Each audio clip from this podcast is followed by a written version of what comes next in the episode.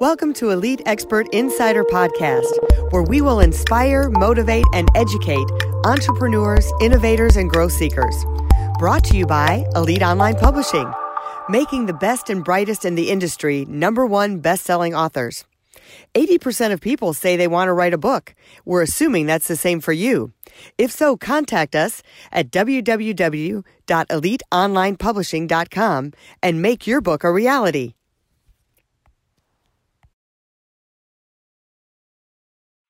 Hey, Melanie Johnson here with another great podcast for you for Elite Expert Insider. Hey, Jen, how are you doing today? Doing great. Really excited for today. Yeah, so you know, we're going to do something a little bit different. We are going to talk about something to do with publishing and marketing. Um, and this holds true for other businesses. So if you think, well, I don't have to listen to this, I'm not an author, I don't need to know how to market my book. But I think the things we're going to tell you today are true for any business. So listen up we're going to talk about something that we've written in our new book Seven Costly Mistakes um, when you're choosing a publisher. But before we get into it, I want to remind you please subscribe. We want to have you subscribe to this podcast and uh, leave us a message, leave us a review. We'd love to hear from you. And of course, share it to everyone you know. So let's get started. So yeah, we just came out with this book, Seven Costly Mistakes um, when choosing a publisher. There it is. Isn't that a great cover? So yeah. we um do a Facebook Live about covers. We'll do a separate thing about that. But a great cover is the first thing that you see when you do a book. Yes, and I just want to say really quick, you know, Melanie and I don't talk beforehand about what we're going to wear, but it seems like we kind of coordinate every time. So it's Easter weekend. I don't want to date this, but it really is, and we're wearing blues and patterns. It's just really fun. So we always match. Even when we don't coordinate cover and you're just listening to this.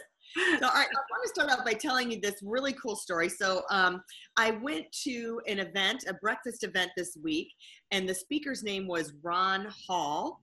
And Ron Hall wrote a book called Same Kind of Different as Me and phenomenal speaker, uh, phenomenal author, and he talked about uh, and his, he talked about his story, which you'll have to catch that book. It was a great story.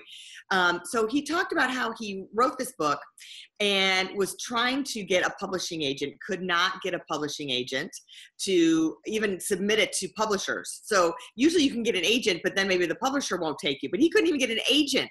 So he decided to go ahead and do the self-publishing route. When he did the self-publishing route, he started selling some books and getting some traction on the book. And then a traditional publisher took notice and decided to take him on. So he's thinking, great, I'm going to have all the support of a traditional publisher behind me. Well, they took his book, and basically, their definition of marketing support was here, here's a thousand books, now go market them. Good luck. That was it. He said, so here we were with these thousand books. So we would put a boatload of books in our trunk and hit the road and try and get speaking engagements and to promote our book. So they would go to different places, different charities, different events, and speak and try and um, sell their book, do book signings, and to promote their book that way. Well, then the book actually became because of their hard work, not because of the publisher's hard work, because of their hard work, they got a movie deal and their book became a movie.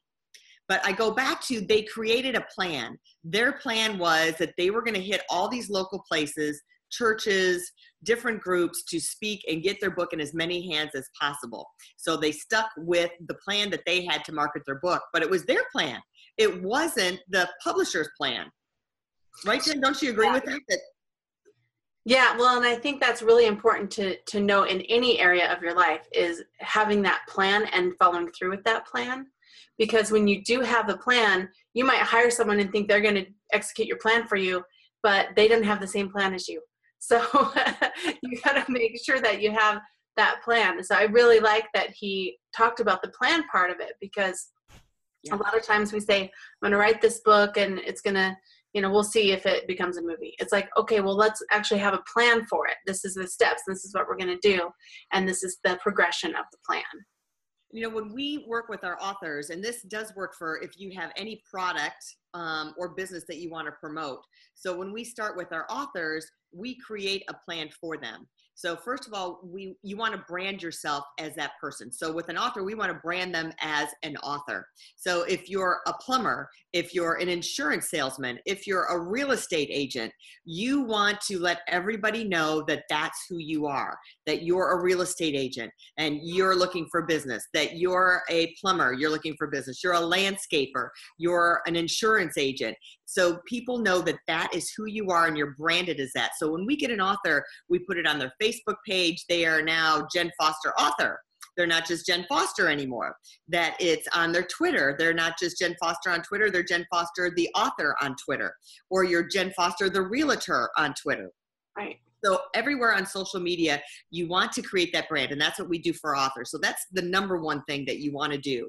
Then the number two is you want to create a social media plan. So what we do, um, even as our for our business, like we went in this year when the year started, and we said, okay, what kind of content do we want to create? What do we want to share with our audience? So every month we have a plan of what kind of content our social media department is going to share on Facebook, on Twitter with you. So we know we have some kind of cohesive plan. And usually, what you need to do too is start with the end in mind. So know what the product is that you're selling. So if you're going to be a real estate agent, you just don't want to randomly post stuff about real estate. You want to decide what makes you different as that real estate agent or that landscaper. Just like as an author, what makes your book different than other authors who are selling something in a similar genre? Why should I buy your book? Why are you the expert that I should read your material? Right, Jen? Yeah. Yeah, and I think that's the biggest key is when you're posting things on Facebook is not only getting that engagement but having the the reasons behind it or the story behind it. So telling them the reasons why or who you are, what you do and why you are different. The the why. That's going to really get them and engage them and get them get the attention that you're looking for. And then tell them uh, how often they should post and why they should post that often. Yeah, so what we do is three to five times a week, and this is on your business page or your fan page. So, of course, on your personal page, you're going to post more than that, um, different things that you're doing, but three to five times a week on your fan page or business page. You can post more than that, but you want to post that at least the minimum.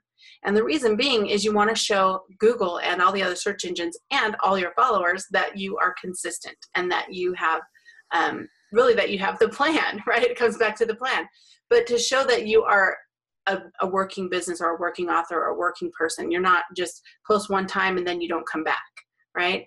Um, and, and that consistency is what's going to bring people when they come to your page. Not everyone scrolls and scrolls and scrolls, but if they scroll a little bit, they see that you're posting consistently and on a regular basis. And that's what's most important is them seeing that oh you're you're you're on here, you're posting regular basis. If I ask a question, I'm going to get an answer and we get it that you know you might be overwhelmed like are you kidding me? I gotta post three to five times a week? Like i don't have time to do that to create cool post and make it relevant. I don't even know how to make those backgrounds or get a graphic and put on there. I mean, I can type something, but um, but you want to make it look cool and make it interesting and have some engagement.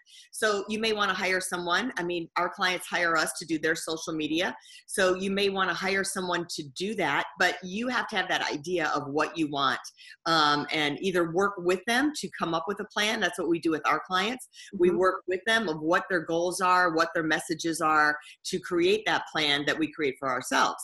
So when you hire someone, you want to make sure that they're going to work with you, not just randomly post stuff. You want to create that plan, work with them, use their knowledge about creating the plan, but they don't know about your business. So you need to tell them about your business to create that plan for your social media. And you, you can get price ranges all over the place for someone to post for you. And you may even have someone who does it in house. That's a great idea too, to have an in house person to do it as well. So those are just a couple of the things that you need to know when you're trying to brand yourself and when you're trying to post. Another great thing that we have started to offer our authors is to come up with a sales funnel. For those of you who don't know what a sales funnel is, I'm sure you have seen one or you may have even participated in one. Yeah, so, you know what happens when you go to that website and you you're looking at it and there's a video and you go up to the top of the page to push the X and a pop up comes up. And then it says, oh, but wait, if you do this, I'll give you this. And so put your name and email in and I'll give you this. And so you're like, okay, I'll do it. And then all of a sudden you go to another page. And then you realize that you've opted into something and you got this content and you're like, oh, I actually love this content. I'm I'm gonna actually do the next thing, which is buy the next thing that they're they're offering. Mm-hmm. And this is called a what, Melanie? It's called a sales funnel. A sales funnel, right. They put you through a process to help you to get the content that you're looking for and also sell you something. So you can take your products or services and um, and do that for yourself. So we have one client that we did it for, and uh, he's in real estate. So he was trying to capture emails, but then he had a couple little products that you could buy for $49 and another one for $99. And, um, and then he ended up selling that. He's like, oh my gosh, in the first day, I sold 10 products. So how cool is that?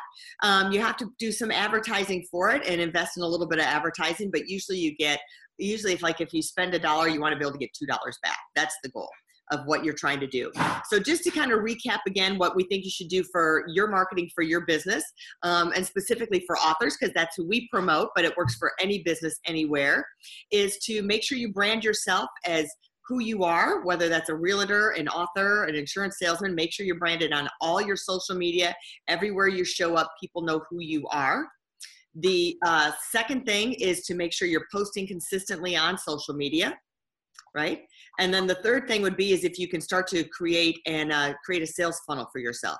I think those are the top three things. Do you have anything else you can think of, Jen, that might be a, a bonus add-on besides the top three? Um, I would say the bonus add-on would be um, doing a few Facebook Lives or creating a YouTube channel. Um, having those videos uh, really helps with search engine optimization as well as people seeing you, knowing you, liking you, and trusting you. So videos are huge. And I know that's something that we have been struggling with um, to do on a consistent basis, but we've been trying to do more Facebook Lives. Um, but we do do our podcast consistently. Uh, we do one a week, and so you can always find us on our podcast. And we have past episodes. We've been doing this for almost three years now, so you can check out our past episodes and our current episodes. But yeah, so again, this is a, the chapter in our book we talk about the marketing support. And when you don't have marketing support for your book or for any business, you're not going to go very far. Yep, very true said.